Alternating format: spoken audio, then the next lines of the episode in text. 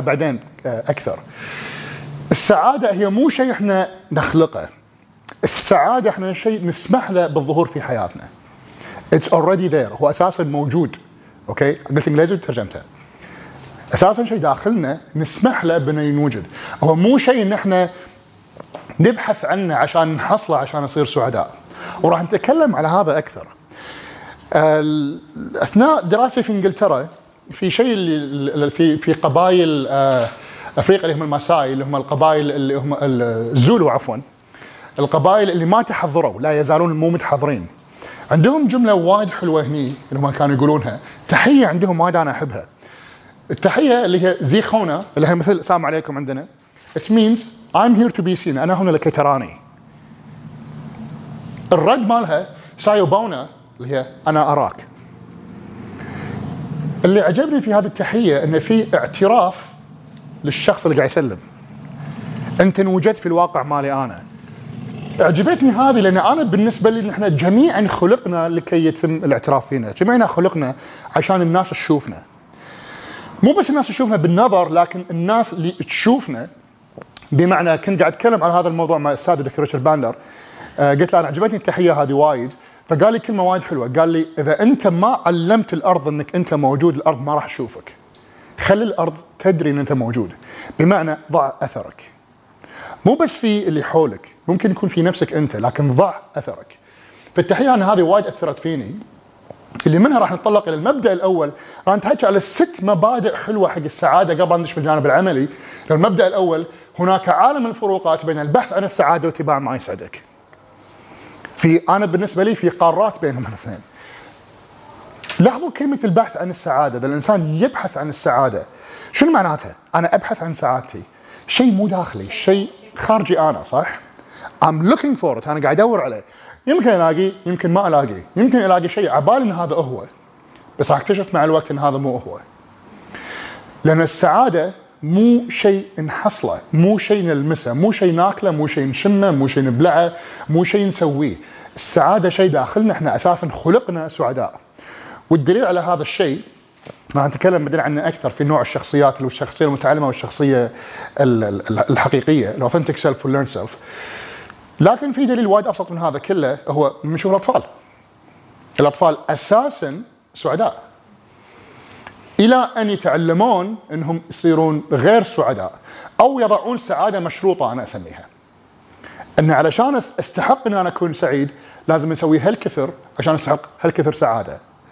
عشان أصير سعيد وهذا الخطر الأول عند الأطفال إنهم لازم يراضون أهلهم.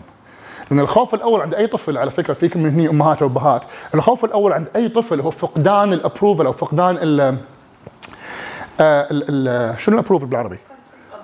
القبول. فقدان القبول من أمه وأبوه. هذا أقوى خوف عنده. فممكن إنه هو يتحول من شخصية لشخصية عشان يرضي أمه وأبوه. حتى لو كانت على حساب السعاده لما يكبر راح يصير إنه يبي القبول من مدرسينه. لما يكبر أكثر يبي القبول من أصدقائه. لما يكبر يبي القبول من مديره. يبي القبول فيتم يبحث عن القبول. آه الحل علشان إحنا نوقف هذا الموضوع إن نبين حق الطفل أنت مو محتاج تحصل قبول من عندي لأن أنا دائما قابل فيك مهما تسوي. فلما يكبر هني يصير ما يحتاج إنه يبحث عن القبول عند الآخرين. هذا ممكن يتم اشباعه من يوم هو صغير. فالفرق الأول عن السعادة الفرق بين البحث عن السعادة واتباع السعادة. اتباع السعادة لاحظوا الكلمة اتباع السعادة. شو, شو تحسون فيه؟ يا شيء أنا أعرفه مجرد أن أتبعه وأنه يوجهني حقه صح؟ اتباع السعادة معناته أنا أدري أنا شنو أبي وأتبعه.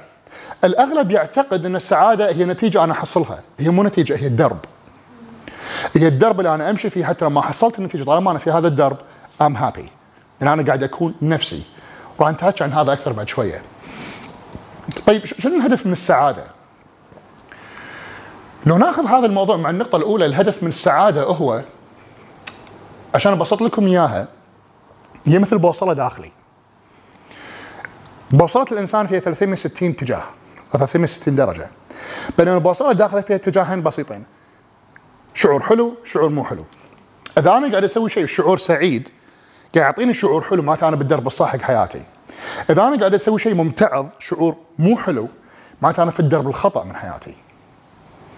أوكي؟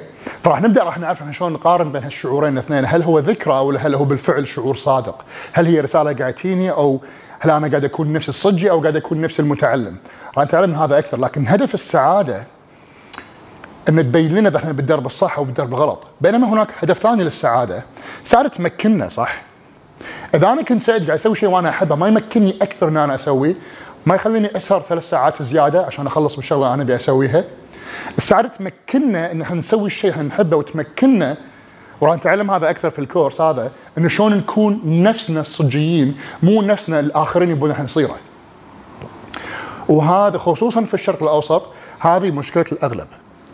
إن أنا ما أبي أصير نفسي أبي أصير الشخص اللي الآخرين يبوني أنا أكونه حتى وإن كان حساب نفسي.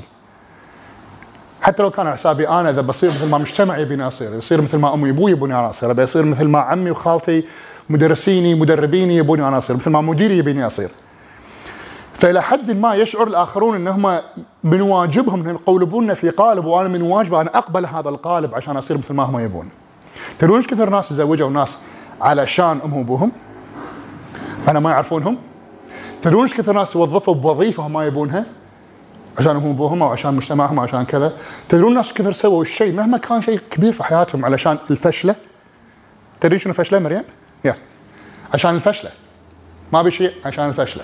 ما ابي اكون كذي أخاف أفتشل أخاف الناس يقولون عني. بينما ينسى انه هو يصير هدفه لما يتعلم يكون شخصية هدفها إسعاد الآخرين على حسابه هم منو يبي يكون. وهذا اللي ولد بعدين أمراض وايده داخلنا إحنا أنا بالنسبة لي طول ال طول السبع سنوات اللي طافت أغلب اللي أنا شفته من يوم ما درست علم النفس ال coaching السعادة اكتشفت إن أغلب إن خلينا نقول 99% بدون مبالغة 99% بسبب الأمراض النفسية هو عدم قبول الآخرين لنا وعدم اتباعنا ما يسعدنا. هذا سبب كوارث يا جماعة.